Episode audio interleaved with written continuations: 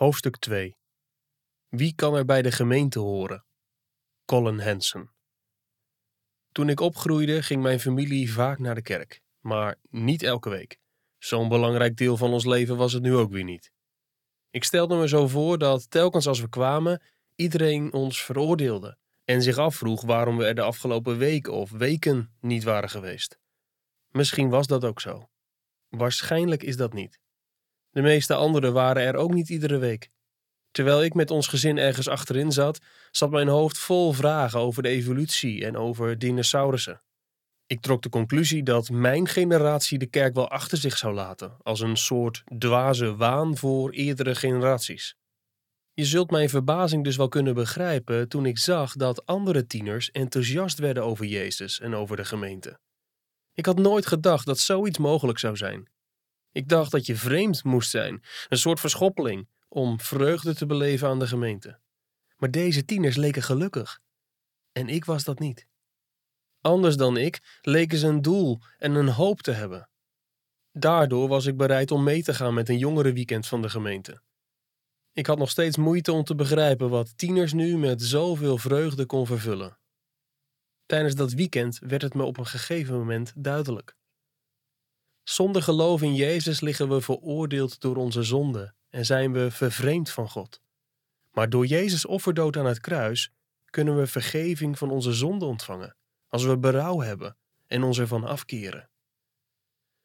Omdat Jezus is opgewekt uit de dood, kunnen we ons verheugen in de vrede en de eeuwige gemeenschap met God die drie in één is: Vader, Zoon en Heilige Geest. Ik kan niet zeggen of ik die boodschap ooit eerder had gehoord in de kerk. Als dat zo was, had die me in ieder geval niet zo geraakt als tijdens dit weekend gebeurde. Alles zou nooit meer zijn als voorheen. Ik was bekeerd. Mijn verandering was ook meteen duidelijk voor mijn gezinsleden en vrienden. Ik had vreugde, vrede en hoop gevonden. Na mijn ervaring zijn velen van hen ook gaan geloven. Later werd ik gedoopt en werd ik een lid van een gemeente. Toen begreep ik waarom ik zo negatief tegenover de kerk stond toen ik opgroeide. Dat kwam doordat ik nog niet bekeerd was. Mijn ouders verwachten plichtsgetrouwe aanwezigheid, maar geen deelname met mijn hart. Ik moest de gemeente opnieuw ontdekken en voor mezelf de vragen beantwoorden over wie erbij kan horen en hoe je in aanmerking komt om lid te worden. Wie kunnen dus lid worden van de gemeente? Gedoopte christenen Mensen die wedergeboren zijn en vervolgens door de doop laten zien dat ze gelovig zijn. Toegegeven, onze kinderdopende vrienden zullen zeggen dat ook de kinderen van de gelovigen na de kinderdoop bij de gemeente horen, als gemeenteleden die nog niet aan het avondmaal deelnemen. Toch is iedereen het er wel over eens dat volwassenen wedergeboren en gedoopt moeten zijn om lid van een gemeente te kunnen worden. De doop zullen we in hoofdstuk 5 bespreken. Nu gaan we het hebben over bekering en waarom die zo belangrijk is om de kerk opnieuw te ontdekken. De kans is groot dat wie al lang naar dezelfde kerk gaat geen idee heeft hoe vreemd een kerkdienst kan aanvoelen voor een bezoeker. Als je niets van de kerk af weet, vergt het alleen al moed om het gebouw binnen te lopen. Welke kant moet je op? Wat moet je zeggen? Mag je eigenlijk wel naar binnen? Willen ze wel dat je er bent? Wat voor kleren moet je aan? En alsof dat niet genoeg is, heeft corona daar ook nog vragen aan toegevoegd als: is de dienst online of kun je er naartoe? Is die buiten of binnen? Moet je met of zonder mondkapje? Of moet je misschien wel gevaccineerd zijn? Voor iemand die nieuw is in de gemeente klinkt het taalgebruik ook grappig. Heb je het woord zegening ooit buiten een kerk gehoord? Waar anders zit je in zo'n bank? De muziek is onbekend, Waar anders zing je onder begeleiding van een orgel dan in een kerk of in het Wrigley Field Stadion? Als we in de kerk dezelfde liederen zingen als 30 of 40 jaar geleden, dan noemen we dat moderne christelijke muziek. Op de radio noemen we zoiets een gouden ouwe. Soms ruikt het er zelfs anders. Je zou de geur van muf tapijt, goedkope koffie, haarlak en gedoofde kaarsen als nostalgie in een fles kunnen verkopen. Gefeliciteerd als het je lukt goede antwoorden te krijgen op al je vragen over de kerk. Maar je zult wel merken dat de antwoorden verschillen, afhankelijk van in welke kerk je bent. Wat is het verschil tussen baptisten en lutheranen, angelikanen, katholieken, gereformeerden en evangelische? En dan kan een baptistengemeente in de Verenigde Staten weer heel anders eruit zien, klinken of aanvoelen dan een baptistengemeente in Oeganda. Ooit preekte ik in een Pinkstergemeente in Italië. Normaal preek ik een half uur en ik bereidde een preek voor die ongeveer half zo lang was, omdat ik wist dat mijn woorden nog vertaald moesten worden. Toen ik klaar was, verroerde niemand zich. Toen drong het tot me door dat ik helemaal niet had gevraagd hoe lang hun preken doorgaans duurden. Pas later begreep ik dat ze op een preek van een uur hadden gerekend. Ze moeten zich bedrogen hebben gevoeld. Zulke gebruiken verschillen van gemeente tot gemeente, van traditie tot traditie en van land tot land. Een bezoek aan een gemeente kan aanvoelen als het binnenvallen bij een feest van een ander gezin.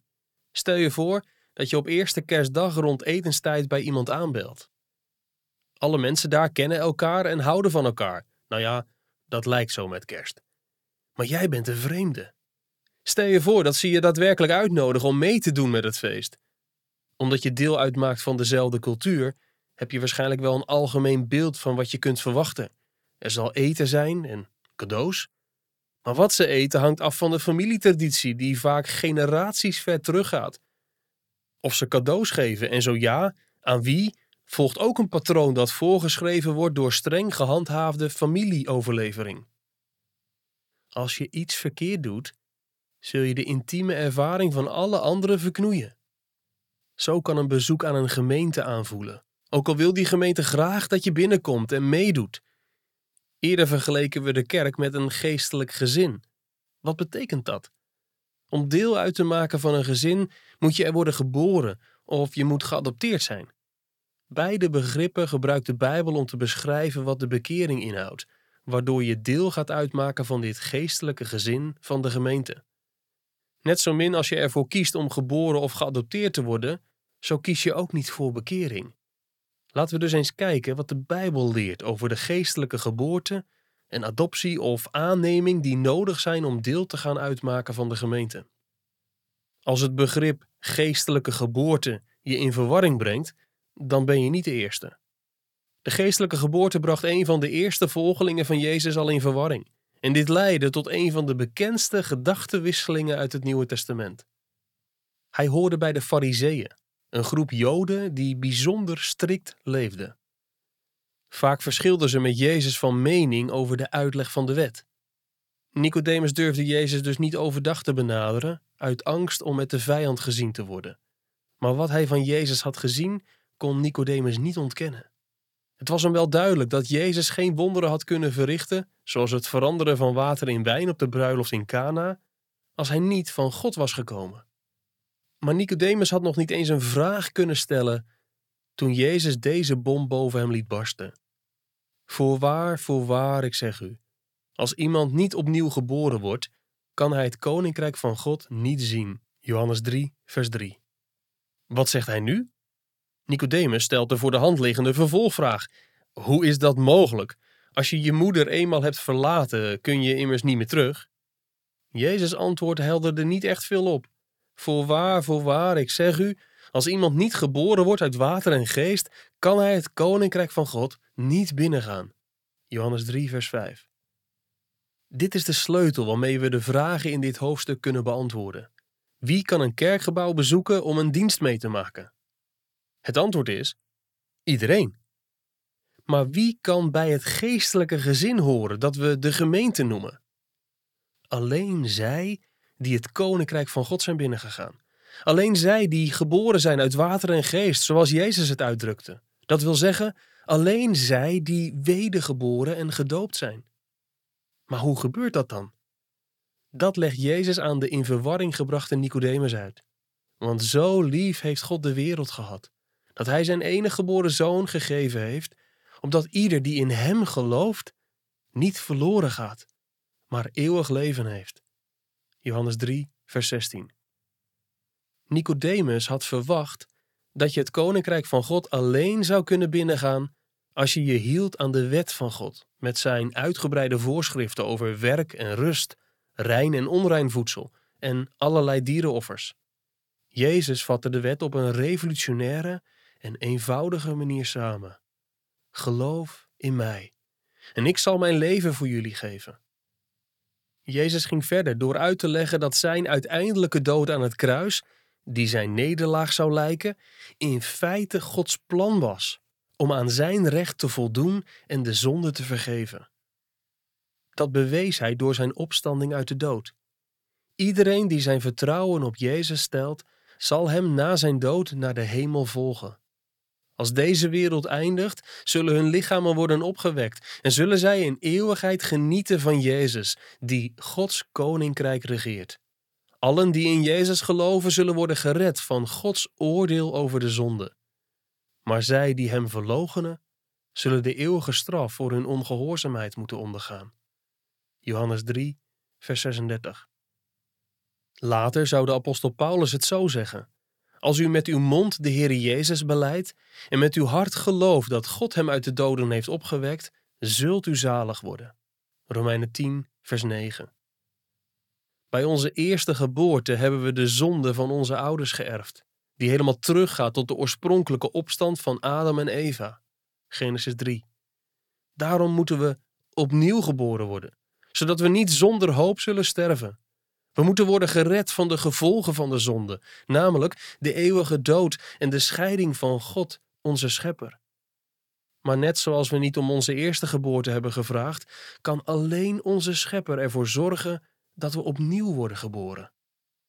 Geprezen zij de God en Vader van onze Heer Jezus Christus, die ons, overeenkomstig zijn grote barmhartigheid, opnieuw geboren deed worden tot een levende hoop door de opstanding van Jezus Christus uit de doden. 1 Petrus 1, vers 3. Het geloof waarmee we in Jezus geloven is dus een geschenk van God. Efeze 2, vers 8. Het is een geschenk dat God graag geeft aan hen die erom vragen. Allen die zich bekeren of afkeren van hun zonde en al hun vertrouwen stellen op niets en niemand anders dan Jezus Christus, ontvangen dit geschenk. Toen de apostelen zagen dat ook de heidenen dit geschenk van de bekering ontvingen, en niet alleen de Joden, verheerlijkten ze God. Handelingen 11, vers 18. God volgen betekent dat je alle andere goden loslaat. Als we wedergeboren zijn, horen we helemaal bij Hem. Als we de gemeente opnieuw ontdekken, betekent dit dat we ons realiseren of herinneren waarom we eigenlijk samenkomen. We komen samen om God te aanbidden, Vader, Zoon en Heilige Geest, die ons heeft gered van zonde en dood. Dat is waarom we zingen. Dat is wat we onderwijzen. Dat is wat we doen in doop en avondmaal. Zonder bekering, zonder wedergeboorte heb je geen gemeente om te herontdekken. Als Jezus niet voor onze zonde is gestorven en op de derde dag voor ons is opgewekt, is er voor ons binnen de gemeente niet meer hoop dan erbuiten. Jaren geleden sprak ik eens over de kerk met enkele mensen van wie ik houd. Ze wisten dat ik op mijn vijftiende een krachtige bekeringservaring had gehad. Toen ik opnieuw geboren werd, veranderde alles. Ik leerde God kennen via de Bijbel en het gebed. Ik genoot van het zingen voor en over Hem. Ik wilde dat al mijn vrienden zouden weten hoe ze wedergeboren konden worden. Toch begrepen sommigen het echt niet, ook al probeerden ze dat wel. Ze wilden graag met mij in contact blijven. Daarom vertelden ze het me als ze naar de kerk gingen. Ik wist dat de gemeente voor hen niets betekende, dat ze alleen mij maar een plezier wilden doen. Daarom zei ik tegen hen dat ze beter niet meer naar de kerk konden gaan. Eindelijk, een idee dat hun wel aanstond. Ze vonden andere manieren om hun zondagmorgen door te brengen. Ik wilde hen alleen laten begrijpen dat het naar de kerk gaan op zichzelf geen waarde heeft, als je niet de moeite neemt om te geloven wat je zingt, hoort en zegt. Ik weet niet zo zeker of ik niet meer naar de kerk gaan altijd zou aanbevelen als evangelisatiestrategie. Maar in dit geval was het noodzakelijk, omdat mijn geliefden een gemeente bezochten die geen helder onderwijs gaf over bekering. Ten slotte ontmoetten ze een voorganger die hen uitnodigde om in Jezus te gaan geloven en opnieuw geboren te worden. Ze gingen zijn gemeente bezoeken en ze zijn daar ook gedoopt. Ondertussen behoren ze nu al bijna twintig jaar bij dat geestelijke gezin. Bekering kan binnen of buiten de gemeente plaatsvinden. Het kan een eenzame ervaring zijn of een die je deelt met vrienden en leeftijdsgenoten. Maar die ervaring moet er altijd toe leiden dat je je verbindt aan een gemeente. Als de Bijbel onze bekering beschrijft als adoptie of aanneming, zien we die gemeenschappelijke kant. Zo kunnen we in Galaten 4, vers 4 en 5 lezen: Maar toen de volheid van de tijd gekomen was, zond God zijn zoon uit, geboren uit een vrouw, geboren onder de wet, om hen die onder de wet waren vrij te kopen, opdat wij de aanneming tot kinderen, letterlijk tot zonen, zouden ontvangen. Letterlijk schrijft Paulus dus zonen, vanwege hun bevoorrechte positie als erfgenaam in zijn tijd. Maar deze belofte geldt voor iedere man of vrouw die in Jezus gelooft. Als God je aanneemt, als Hij je het geschenk van het geloof in Zijn Zoon geeft, verwelkomt Hij je in een geestelijk gezin van broeders en zusters, de gemeente.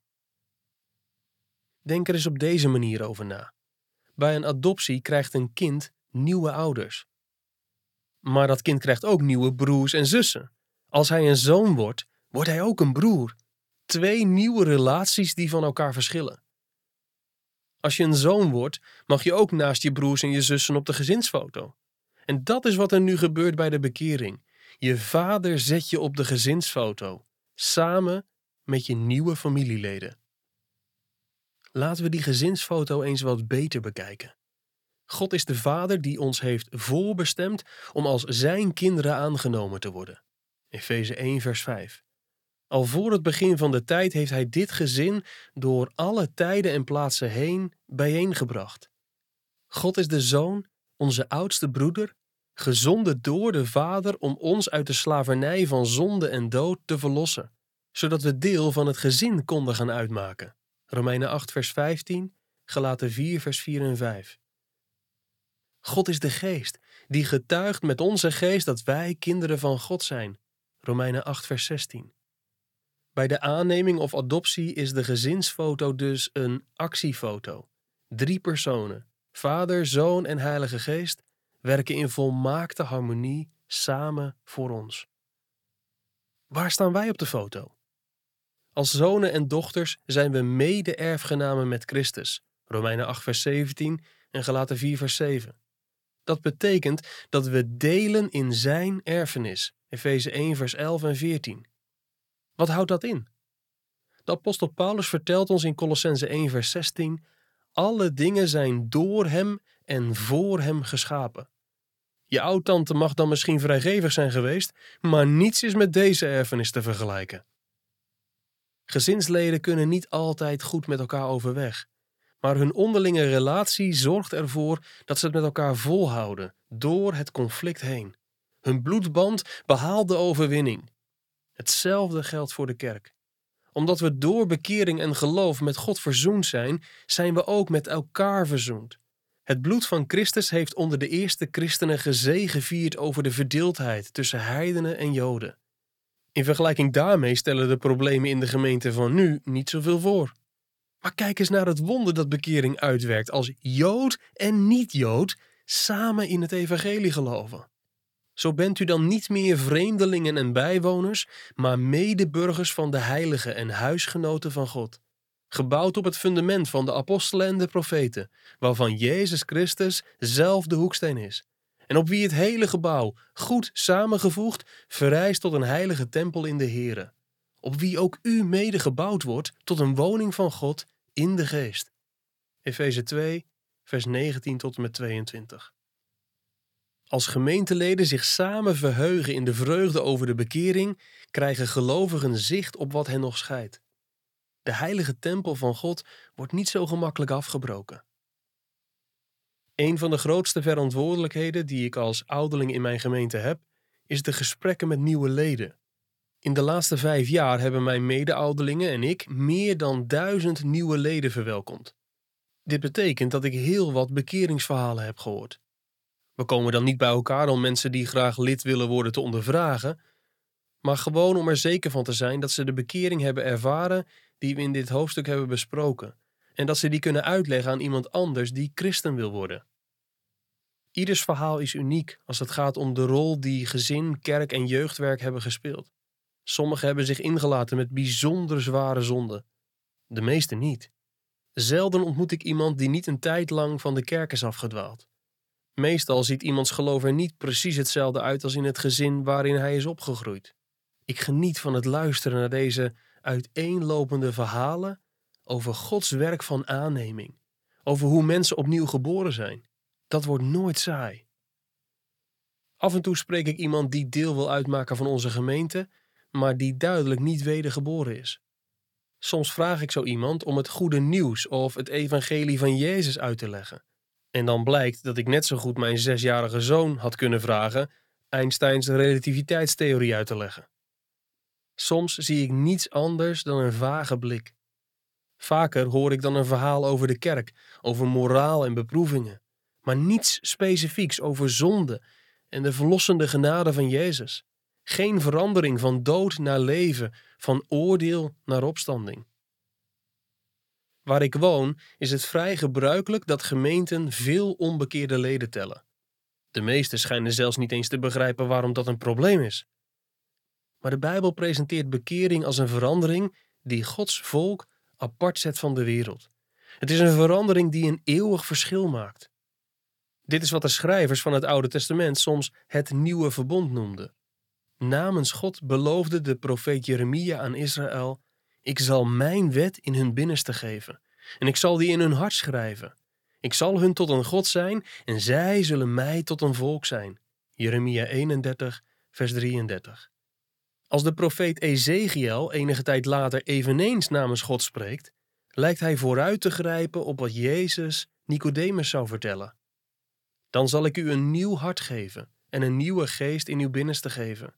Ik zal het hart van steen uit uw lichaam wegnemen en u een hart van vlees geven. Ik zal mijn geest in uw binnenste geven. Ik zal maken dat u in mijn verordeningen wandelt en dat u mijn bepalingen in acht neemt en ze houdt. Ezekiel 36, vers 26 en 27. Dergelijke teksten stellen zich de gemeente niet voor als een plaats waar mensen min of meer proberen goed te zijn en min of meer elkaar proberen te helpen als dat zo uitkomt. Nee, het nieuwe verbond dringt helemaal door tot in je hart. Het zorgt voor een radicale verandering. Het zorgt ervoor dat we ons van ons oude leven afkeren en ons naar Christus wenden. Het geeft ons de kracht van de geest om te gehoorzamen aan de wet die in onze harten geschreven staat. Binnen de gemeente kunnen we niet van iedereen de werkelijke geestelijke toestand kennen of ze in hun hart geloven. Maar dat verandert niets aan het bouwplan dat de Bijbel ons voor de gemeente geeft, wat de bedoeling ervan is en hoe onze praktijken eruit zouden moeten zien. Als je opnieuw geboren bent, als je je hebt bekeerd van je zonde en in Jezus gelooft, mag je bij de gemeente horen. Als je net als mijn jongere ik dagdroomt over een toekomst zonder de gemeente, weet dan dat je geen genoeg hoeft te nemen met louter plichtsbesef, zonder het doel van de gemeente te begrijpen. Als je bekeerd bent, kun je niet anders dan aanbidden. Dan kijk je er naar uit om samen te komen met anderen die in Jezus geloven en Hem met hen te aanbidden.